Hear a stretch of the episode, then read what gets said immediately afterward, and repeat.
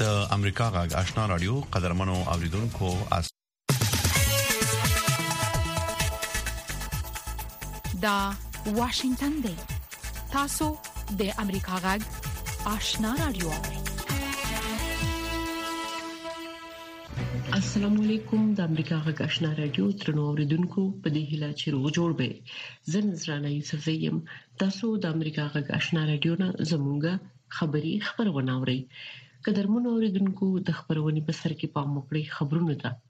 ویاند سید سلیمان شاه د طالبانو حکومت ویلي دي چې په تیر دوو کلونو کې دوه دېرش زره زندانیانو له جملې نه شپاړس زره کسان د محکمو د حکم او د طالبانو د مشر مولوي هیبت الله اخوندزاده د فرمان له مخې خوشي کړي له بل پلوه د طالبانو د حکومت د عدلې وزارت پر ټولو سیاسي ګوندونو د بندیز لګولو اعلان کړی. د دغه وزارت سرپرست مولوي عبدالحکیم شرعي د زمري په پنځه ویشت مه په کابل کې په یوه خبري کانفرانس کې وویل چې سیاسي ګوندونه نه شرعي بڼه لري او نه هم د ملت ګټې خوندي کوي. په مطلق ډول بند شوي او د عدلې وزارت به وروسته له دې یو سیاسي ګوند ته هم د فعالیت کولو جواز ورنکړي. د بې پولې خبریالانو سازمان وايي چې د طالبانو امنیتي چارواکو په تېرو لسو ورځو کې په غزني، پکتیا، ننګرهار، قندهار او کونړ کې نهه خبریالان نیولي او بندیان کړي دي. د ژورنالېستانو دغه مدافع نړیوال سازمان بېل قید او شرط نه د نیول شوو ژورنالېستانو خوشې کولو غوښتنه وکړه. د طالبانو حکومت لا رسماً د نیول شوو کسانو په اړه څه نه دي ویلي، خو د حکومت مطبوعاتي ویاند ذبیح الله مجاهد د عطاءالله عمر، وحیدالرحمن عمري او شمس الله عمري نیول تایید کړي دي. د پاکستان د پنجاب صوبې پولیسو پرون د پنځشنبه پر ورځ ویل چې د دغه صوبې د فیصل آباد په ښار کې د چهارشنبه پر ورځ د محلي عیسویانو پر کلیساو او کورونو د حملو او ورونو اچولو په الزام یو سل نه کسان نیولي دي تاسو د افغانستان سیمه او نړۍ خبرونه له امریکا غږ واشنگټن نوري د ایران د بهرنیو چارو وزیر حسین امیر عبد اللهیان پرون د پنځشنبه په ورځ د سعودي عربستان پایتخت ریاض ته په یو رسمي سفر ورسېدو. نوموړي سعودي عربستان ته دا سفر په روان میلادي کال کې د دواړو هېوادونو ترمنځ د ډیپلوماتیکي اړیکو د برقراره کېدو نه وروسته وکړ. سعودي عربستان او ایران د چین په منځګړیتوب له ډېرو کلونو دښمنۍ وروسته د ډیپلوماتیکي اړیکو د ټینګولو پرېکړه وکړه. ایران هڅه کوي چې د سعودي عربستان په شمول د خلیج د سیمې له هیوادونو سره دغه هیواد کړکیچونه کم کړي. د هند په لویدیځ کې د پرله پسې برساتي بارانونو نه وروسته د ځمکې د ښویدو په پیښو کې دوه اویا کسان وژل شوي دي. چارواکي وايي چې د هماچل پردیش په صوبه کې چې د همالې د غرونو په لمن کې موقعیت لري د پنځشنبې په ورځ څو ځایونه ځمکې وښویدلې او د ناڅاپي سیلابونو د راوتو لامل لارې او سړکونه اوبو لاندې کړي دي کورونه او دولتي ودانۍ هم لمنځه وړي دي په داسې حال کې چې چین سږکال د اقتصادي رکود سره مخامخ دی او واکمن کمونېست ګوند هڅه کوي منفي اغېزې کمې کړي، جمهور سي جین پینګ په خپله وینا کې چې د ملي تلویزیون له لارې خپره شوه، پر چینایانو باندې غږ وکړ چې له صبر او حوصله نه دې کار واخلي. د چین جمهور رئیس ویل چې لویدیځ هیوادونه د نوموړي په وینا میټریالیزم یا ماده پرستی او روحاني غربت په وجه باندې د نوموړي په وینا له چین نه زیاتو سختو ستونزو او مشکلاتو سره لاس په ګریوان دي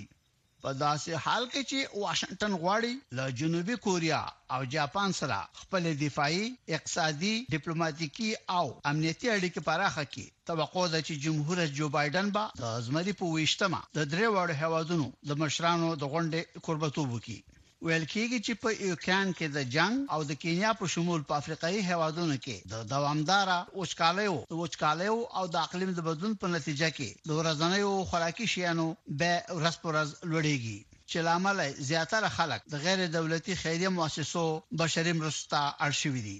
کوم تصویرونه چې د سټلایټ په وسیله اخیستل شوي او د اسوسییټډ پریس خبري اژانس لیدلي، ښیې چې چین لګیا دی جنوبي چین د سمندرګي په هغه برخه کې یوه نوې هوایي اډه جوړوي چې تایوان او ویتنام یې هم د ملکیت دعوه کوي.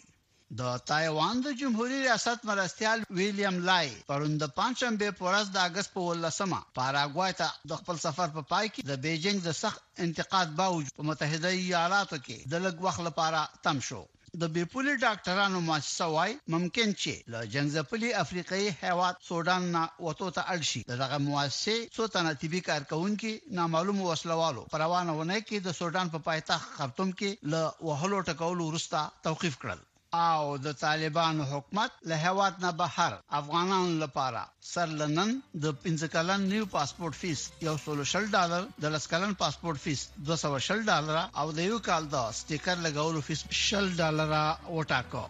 دا او د دې سات خبرونه چې تاسو د امریکا غږ واشنگټن نه وګورئ د امریکا غږشنا رادیو ترنو اوریدونکو تاسو خبرونه واوریدل په موکړی زمونږ د خبرونې لومړی رپورت ده. د طالبانو حکومت د عدلیې وزارت ویلي چې په افغانستان هیڅ سیاسي ګوند ته د فعالیت اجازه نه ورکوي ځکه چې همدا سیاسي ګوندونه د افغانستان د ویجاړۍ او ناخوالو سبب شوي سیاسي چارو ځینې افغان کارپوهان وايي هیڅ هیواد د سیاسي ګوندونو د فعالیت مخه نشي نیولای پام وکړئ د اکرام شینواری رپورت ته د طالبانو د حکومت د عدلی وزارت سرپرست مولوی عبدالحکیم شریعي ویلي چې د دې لپاره چې سیاسي ګوندونه شرعي بڼه نه لري او نه هم د ملت ګټې پکې خوندي دي نو په افغانستان کې فعالیت په مطلق ډول بند شوی دی مولوی عبدالحکیم شریعي د چهارشنبه پر ورځ ملت ته د حکومت د حساب ورکولو د پروګرام په لړ کې د رسنیو په مرکز کې جوړ شوی خبري کانفرنس ته ویل چې وزارت په هیڅ ډول د سیاسي ګوندونو فعالیت ته جواز نه ورکوي زمونږ تاسو تجربه دا ثابته کړله چې دا ملت څومره وران ده د دې ایوازینه وجه هغه هم دغه سیاسي احزاب د طالبانو د حکومت د عدلی وزارت سرپرست همدا شان ویل چې د فقې تفسیر او احادیثو پر اساس د نوي اساسي قانون په ترتیبولو باندې کار کوي هغه د پخوانی رژیم اساسي قانون چې د نورو مدني ازادیو ترڅنګ پکې د قانون په چوکاټ کې د سیاسي ګوندونو د جوړولو اجازه هم خلکو ته ورکړ شوې و ادعا وکړه چې د پخوانی رژیم د اساسي قانون هیڅ یو ماده هم د شریعت پر اساس نه ده چمتو شوې په سابقه قوانینو اساسیو کې به هیڅ ګماته دا ونه خي چې د ماده استنادي یا کتاب الله ته شوی یا سنت رسول ته شوی او یا فقه حنفی ته شوی طالبانو د 2020 کال د اگست په میاشت کې واک ته د رسیدو وروسته د اساسي قانون په ګډون د افغانستان د تیر رژیم قوانين لغوه کړ خو تر اوسه نوی اساسي قانون نه دی تر کړی افغانستان کې د اوګدې مودې راهیسي سیاسي ګوندونه فعالیت کوي او په تیر شاوخوا 15 لسیزو کې د دغه هیواد په سیاسي او ټولنیز وضعیت کې یو شمېر سیاسي ګوندونو مخامخ اغیز لرلې دي د 1950 لمریز کال کودتا د خلک دیموکراتیک ګوند په مشرۍ شوې و چې دغه کودتا وروسته چې د تیرو څه باندې څلور لسیزو راهیسې د افغانستان وضعیت د همدې کودتا څخه د زیږیدلو حالاتو پورې تړاو لري د 2001 کال په پای کې په افغانستان کې طالبانو د واکمنۍ د ړنګېدو وروسته د پخواني جمهور رئیس حامد کرزي د واکمنۍ په پیل کې تر یو څو لسو پورې سیاسي ګوندونو فعالیت پیل کړ چې وروسته په 2009 کال کې د عدلي وزارت لخوا د سیاسي ګوندونو په قانون کې د بدلون لامل دغه وزارت سره شاوخوا شپږ سیاسي ګوندونه ثبت شوي وو په دغو ګوندونو کې د پخوانیو مجاهدینو او نورو پخوانیو سیاسي جریانونو پورې د تړلو ګوندونو سربېره یو شمېر نوي ګوندونه هم شامل وو په تیر رژیم کې د عدلي وزارت د سیاسي ګوندونو په قانون کې د یو ګوند د فعالیت د جواز د ورکولو لپاره لږ تر لږه د ګوند د لس زره غړو موجودیت او په شل ولایتونو کې د ګوند د نمایندګیو لرل د شرط په توګه یاد شوي وو د سیاسي چارو ځینې افغان کارپوهان په دې باور دي چې د سیاسي ګوندونو فعالیت مخنیوی ډیر مشکل کار دی په ځانګړي ډول د معلوماتي ټکنالوژي په عصر کې چې د هر هیواد وګړي په پراخه توګه ټولنیزې رسنۍ کاروي او د سیاسي ګوندونو اهداف څخه حتی له هیواد څخه چې بهر هم فعالیت ولري خبريږي د سیاسي چارو کارپوه ډاکټر عزیز مارج امریکا غږ سره په مرکه کې ویل چې که په یو هیواد کې د کوم ګوند فعالیت بل شي نو دا ګوند بیا په پټ ډول فعالیت پیلي چې مخنیوي ډیر اسان نه دي خو معمولا دوه ډول دولتونه د فعالیتونه بندي او چې خپل دولت دغل کوي دغل کاری په پټه کارونه کوي دیموکراسي ته ژمن نه وي خو معمولا دوی د ډار نه دی اپوزیسیون نه او د رسواینه بیا د عذاب سیاسي ته اجازه نه ورکوي او دوه هغه دولتونه چې دوی دیکتاتوري دیکتاتوری خو هغه د ظلم استبداد سیستم لري نو بنا هغه د ازادۍ د دیموکراسۍ د ازادي بیان خله بندي نو بنا د طالبانو څخه د دوام ورکړي او دا دواړه علتونه باعث دي پراختیا ممانعت د پراختیا د هواد کیږي د 2020 کال د اگست په 15 می وروسته د ډیرو سیاسي ګوندونو مشران او لوړ پوړي چارواکي د افغانستان څخه بهرنۍ هیوادو ته کډه شوي خو د یو شمېر سیاسي ګوندونو مشران لا هم په افغانستان کې دیره دي او په مختلفو مناسبتونو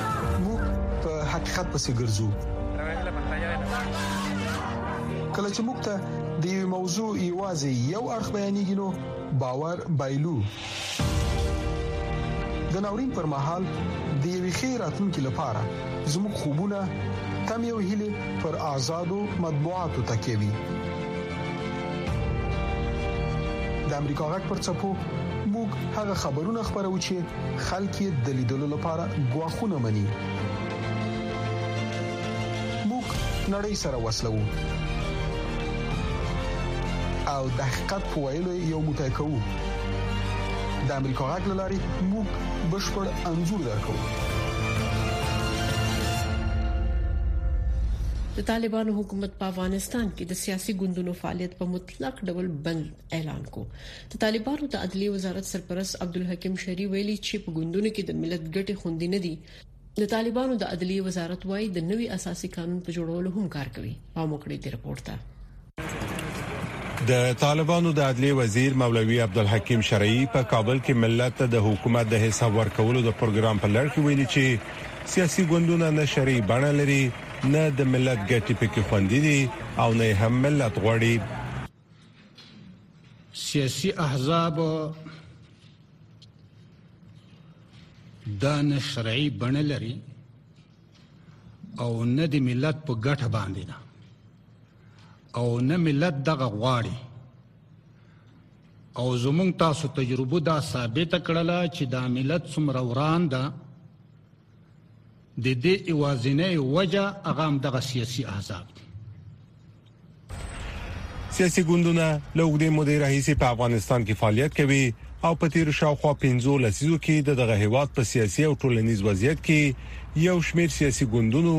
مخامخ رول لوبولای دی زه فکر کوم چې د سیاسي ګوندونو شتون او یا د خلکو شریکول لوی تصمیمونو په ارتباط د سیاسي ګوندونو لاره نه کېدای شي او د قدرت د نیولو په سر په دیموکراتیکه پروسه کې رقابت د بل اړخ دی چې دا ضرور دی او بل په عمراني مسایلو کې ډیر اساسي رول کېدای شي چې ولري د چارو شنونکي په دې باور دي چې هیڅ نظام نشي کولای د سیاسي ګوندونو فعالیت بند کړي او که په کور دننه دا کار وکړي نو ګوندونه په پټه او له بهر څخه هم فعالیت کولای شي نو د نن معمولا دوه دولتونه د ډېر حراس لري یو دای چې هغه دولتونه چې دغلي یعنې کار پاک نه یي سپین نه یي معمولا دوی هې ایراس لري ډال لري نو سیاسي احزاب او ناپوزیسیون او دې مسایلو ته څو فعالیتونه کې هم دوی په خپل دغلي کوي او دوه معمولا ظالم یا مستبد هوادونه چې دیموکراسي او آزادی د بیان او حقوق د ادبان دا نه رعایت کوي د طالبانو حکومت په داسې حال کې سیاسي ګوندونه لغوه اعلانوي چې د بي پولو خبريالانو سازمان د طالبانو لخوا په تیرو لس ورځو کې د نهو خبريالانو پر نیولو اندېښنه خوده او د قید او شرط پرته د دغو خبريالانو د ازادې دوه غوښتنه کړې ده هغه کسان چې دم ګړی برحاله وظیفې لري په رسنیو کې هره لحظه چې دوی خپل دفتر ته ځي هره لحظه چې دوی کار کوي هره لحظه چې دوی بیرون د خبرونې یا د ګزارش د جوړولو لپاره قلم اخلي یوازینی تشویش او اندېښنه دی چې بیرته به دوی دفتر ته راوګرځي او کنه آیا دوی به هلته له ګڼ شمېر ستونزو سره مخامخ شي او کنه دوی به کار ته پرېښودل شي او کنه تر ټولو مهمه دا چې آیا د دوی ځان د دوی وجود به امني او که به نه امن د بې پولو خبریالانو سازمان زیاتوي، اوس مهال 12 خبریالان د طالبانو په بند کې دي او د نیولو لپاره کوم دلیل نه دی ښودل شوی. خو د طالبانو ویاند ذبیح الله مجاهد څو ورځې مخکې وویل چې یو شمېر خبریالان د خبریالۍ اړوندو مسایلو له کبله نه دي نیول شوي.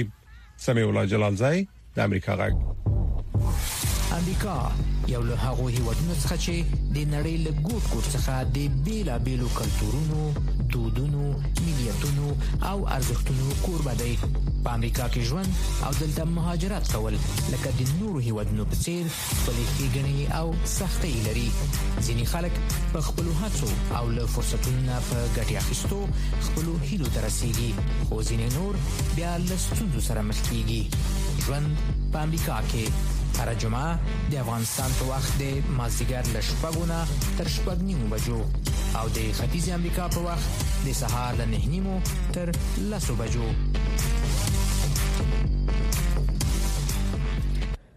تېر یو کال په افغانستان کې د مذهبي اقلیتونو وګړو ته ډېر ځاني زیانونه اوښتي یو شمېر د سیاسي قدرت اقتصادي چاپیریال او ټولنیز نقش محروم شوی او په ځینو د مذهبي مراسمو په وخت کې خنړی بریدونه شوي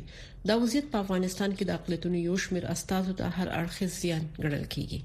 نور تفصيل په دې رپورت کې په افغانستان کې د حاکمو طالبانو پرته نورې ډلې هم شته چې په یو او بل نوم ظلم کوي زیان رسي او پر مشخصو اهدافو بریدونه کوي د بشري حقوقو په دې سرغړونو کې ځنې د سیمایي حاکمانو صحرایي محکمې قبیلوي دودونه، د زورواکو خپلسره پرېکړې او د جنايي ډلو له خوا زیانونه رسول شامل دي. طالبان در این دو سال ظرفیت ارائه ساده ترین خدمات اجتماعی را برای مردم نداشته است اما در مقابل نقض آشکار حقوق بشر، ناپدید شدن کارمندان دولتی، بازداشت زنان، بسته شدن مکاتب، پوهنتونها، حمامها، آرایشگاهها،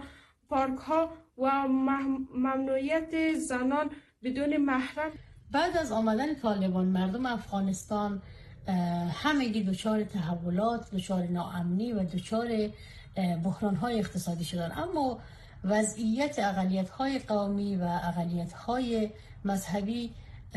بحران کار هست او د هزاره اقلیت پر ضد د وژونکو بریدونو په شمول مذهبي او قومي اقلیتونه د تبعیض او ظلم سره مخ دي په چارو کې د اقلیتونو ونډه د دوی سره د غړیتوب او همکارۍ په تناسب ده هر طالب له هر قوم څخه چې وي صلاحیت لري او په خپل ساحه کې هر څه چې وغواړي کولای شي سیاسي او ټولنیز فعالیتونه کمرنګ دي اقتصاد کمزوری دی کار نشته ځوانان بیکار دي متقاعدینو ته څوک حقوق نه ورکوي له همدې وجې هر څوک هڅه کوي چې له هیواده بهر لاړ شي په دې ظلمونو کې مسلسل وژنې او خونړۍ حملې جبري لادرکه کېدل، عمدي زنداني کېدل او شکنجې شاملې دي. د مذهبي دې ورځو تجدید هم نه شو کولای، په اوس وخت کې او په ودو کې خپل ودونه چې موږ لرو هغه ډول او موسیقي نه هم استفاده نه شو کولای، خو خیر دا خو د خواهشاتو خبرې دي، خو په عامه توګه موږ سره دا شیان بند دي، لکه ټول افغانستان کې بند دي، هغه ګیله به نه کوو، خو راغلو د تعلیم په برخه کې هم موږ په تیر د دوه کلونو تر نن پورې اسلامي امارات په دې ونه تندل چې دې یو برخه یو زمينه برابره کړي خلکو لپاره د داعش ډلې د خراسان څانګې په 2022 میلادي کال کې د هزارګانو په وړاندې د ډیرو بریدونو مسولیت په غاړه اخیسته چې لږ تر لږه 200 کسان پکې وژل شوي او زخمی شوي دي. د اپرېل په نولسمه د داعش ډلې د خراسان څانګې د کابل په لویدیځ دشت برچي په یوه لېسه کې د یو ځانمرګي برید مسوولیت واخستو چې شل تنه زده کوونکي، ښوونکي او کارکوونکي یې ووژل او زخمیان کړل. دوه ورځې وروسته یې د مزار شریف په سې دکان جومات کې د برید مسوولیت واخستو چې یو دېرش کسان یې ووژل او اووه اتیا نور یې زخمیان کړل.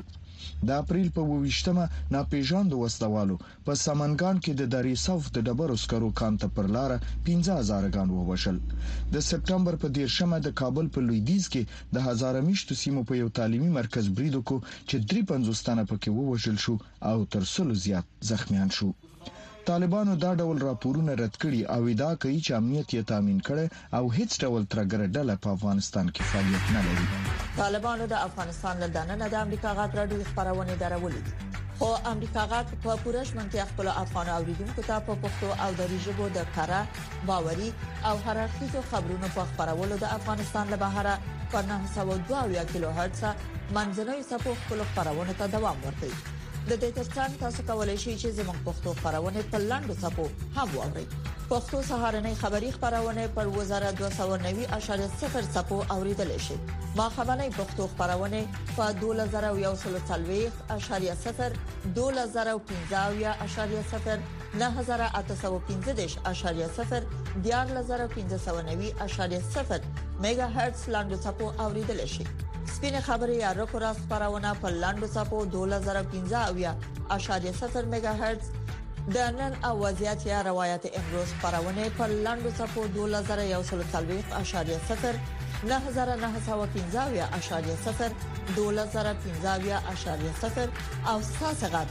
یا صداي شما خبرونه پر لاندو صفو 2513.0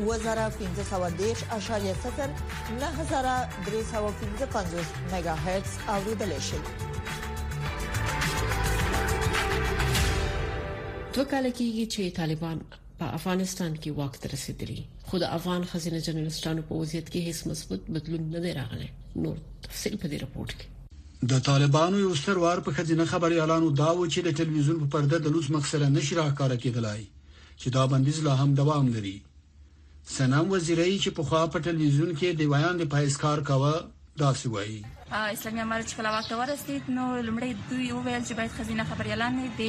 خبرونو په جریان کې باید له ماسک څخه استفاده وکړي چې دا ډیره سخته ده ځکه یو نطاق چې یو ساعت دوه ساعته دوی خبرونه وړاندې کوي بدون د وقفې څخه دوی ماسک یعنی خپل باندې چې دغه زموږ لپاره ډیره سخته تمامېږي د رسنیو د ملاتړ د نړیوالې شبکې د موندنو په اساس د طالبانو د بیا واک ته رسیدو مخکې افغانستان کې دیار لسو خځینه ژورنالیستانو او د رسنیو کارمندانو په کار بوختي وي چې اوس یې شمیر اوش په د سلنه راکم شوی یو تقریبا نه سوتنو خپل وظیفې له لاس ور کړې دي شاملان یازه یو بل ژورنالیست ده چې په ټلویزیون کې کار کاوه هغه وایي ورو داسې وضعیت ته رسیږي چې خبریالان یې دې ته مجبور کړي چې هغوی په خپل خوخه په خپل رضایت باندې له صحنې څخه لری شي زه د دې شاهد یم چې فقط دغه دوه ورځې مخکې ما له خبريال سره په کابل کې خبرې وکړې د یوازې دا ویل چې کله چې زما خبرونه خلاص لنو ما ته زنګ راغی زما مدیر راغی دوی ته زنګ راغلی چې تاسو خبريال حجاب صحیح نه ده خو د افغان ښځینه خبریالانو او ژورنالیستانو کړاو د کار پرېښودو نه وروسته هم ختم شوی نه دی او اوس دوی له خپل هېواده یوه امن هېواد ته د رسېدو په تکل کې له یوه ناڅرګند حالت سره مخامخ دي. ملاله چې پخوا خبریاله وه، خپل نظر داسې څرګندوي. هغه خبریالانې چې غواړي له هېواد څخه بهر راووځي، هغوی هم ډېر په کړکېچن حالت سره مخ دي. هغه خبریالانې چې ګاونډي هېوادونو ته تللي دي، او غواړي چې د بهر هیوادونو ویزې ترلاسه کړي هغه هم ډیر ستونزو سره مخ دي ځکه چې هغه خپل کیسونو ته په تمه دي او تر اوسه لا هیڅ خبر ورته نشته خدیجه امین په کابل کې له دولتي ټلویزیون سره کار کاوه اوس یې په اسپانیا کې له یوې محلي رسنۍ سره دنده موندلې ده خو وایي چې له هیواده وتلې ټول ژورنالیستانې دومره بختورې نه دي څوک چې وطن نه وتلی ډیر سخت ده چې هغه ته یو ډیر ښه راتلونکی په بل هیواد کې ولري ځکه چې موږ ډیر وخت ته ضرورت لرو موږ باید ژبه زده کړو موږ باید خپل ځان برابر کړو تر هغه وخت پورې چې وکولای شو کار وکړو خدیجه اشرفي د غزني په ولایت کې له محلي رسنیو سره کار کاوه او دا وخت په فرانسه کې ده خو تر اوسه یې خپل مسلک سره تړلی مصروفیت نه دی پیدا کړی او راتلونکي ته اندېښمنه ده. او که زه ونه توانېږم خپل مسلک ته ورسېږم، زه مجبوره یم، دې ته اړ یم چې خپل مسلک نا خدای پاماني وکړم او بل مسلک ته مخه کړم. افغان ښځینه ژورنالیستانې که د هېواد دننه دي او که له هېواده د وتلو په حال کې دي، او که هم له هیواد څخه وتلي دي ټول د یو نامعلوم سرنوشت سره مخ دي او په افغانستان کې واکمن طالبان تر اوسه د دوی کاري ازادۍ او راتلونکو په اړه پالیسۍ د کوم بدلون یادونه هم نه کوي غورځنګ د امریکا غږ واشنگټن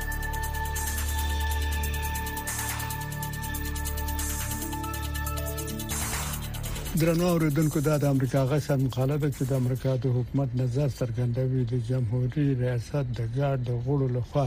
د جولای د میاشتې په شپږشتمه نیټه د نیجر په دیموکراتیکه طریقه انتخاب شوی جمهور رئیس محمد بازوم توقیف کړی و چې ورسته په ماخام محل د حکومت د نیولو اعلان وکړ د بهرنیو چارو د وزارت مرسته ال سرپرست وکټوريا نولا د نیجر ته سفر وکړ چې په نیجر کې د دغه پرمختګ په اړه کې د امریکا جدي اندېښنه څرګنده کړه او کړه کزمنه چې د دیموکراسي او د اساسي قانون د نظم ملاتړ کوي امریکا د جمهور رئیس بازوم د دوه د کورنۍ او ټولو هغو کسانو چې د اساسي قانون نه په غیر د کوشش د یوې برخې په هیڅ قدرت ونیسي د سمدستي خوشي کولو لپاره غوښتنه وکړه. نیژیر په لویدیځه افریقا کې ستر هېواد دی او د هغې سیمې برخه ده چې د ساحل په حیث شهرت لري. د ځمکې یوه لیکه ده چې له اوقیانوس سمندر نه تر سرې بحیرې پورې غځېږي. نیژیر د هغو بېلابېلو اسلامي ډلو په خلاف چې یا د اسلامي ډلې یا د القاعدې سره ارتباط لري د تروريزم ضد يو باوري انډيوال دی په يو لحاظ نيجر فرانسوي او امريکايي پوځ ته بيسونه ورکړي دي چې د تروريزم په خلاف جنګ کې مرسته وکړي د بهرنيو چارو د وزارت د مرستيال سرپرست نولاند د نيجر د مدني ټولنې او په جلا توګه یې د هغې ډلې د غړو سره ملاقات وکړ چې په نیجر کې قدرت یې ونیو چې داعي شرح کړه چې هغه څه په خطر کې دي چې نیجر د خپل اساسي قانون د نظم احترام ونه کړي او نه په دې کې په اقتصاد کې د سلګونو ملیونو ډالرو بالقوه تاوان او د نیژیر د خلکو لپاره امنیتي ملاتړ شامل دی. د بهرنیو چارو د وزارت نطاق ماتیو میلر نو وویلې امریکا ته د قانون له مخې په کار ده چې د نیژیر په حکومت خارجي او نظامي مرسته بنده کړي که په رسمي توګه باندې بندیزونه ورباندې ولګول شي دغه مرسته به حکومت ته په پرمختیايي مرسته حکومت ته امنیتي مرسته تاثیر وکړي امریکا د اوس لپاره پریکړه وکړه چې د نیجر د حکومت لپاره ځینې مرستې بند کړي په داسې حال کې نطاق میلر په ولیکل شو وینا کې ویلي وضع بهانده ده د بهرنیو چارو د وزارت د مرستل سرپرست نولاند په دې ټکی ټینګار وکړ چې امریکا به د خپل متحدینو او انډیوالانو سره په نږدې تماس کې وي چې په دې کې د لویدیځ افریقا د دولتونو اقتصادي ټولنه یا ECOWAS شامل وي د بارنیو چارو وزیر بلنکن تایید کړ چې امریکا ژمنه کړې ده د نیجر د خلکو ملاتړ کوي چې د دوی سره مرسته کوي چې په سختۍ سره لاس ته دراوړلې خپل دیموکراسي وژغوري او د نیجر په دیموکراتیک لحاظ د انتخاب شوی حکومت سمدستي د بیا کار اچونې لپاره په خپل غوښتنه باندې ټینګار کوي درنو اوریدونکو دا و د امریکا غږ سر مقاله چې د امریکا د حکومت نظر یې څرګند کړ.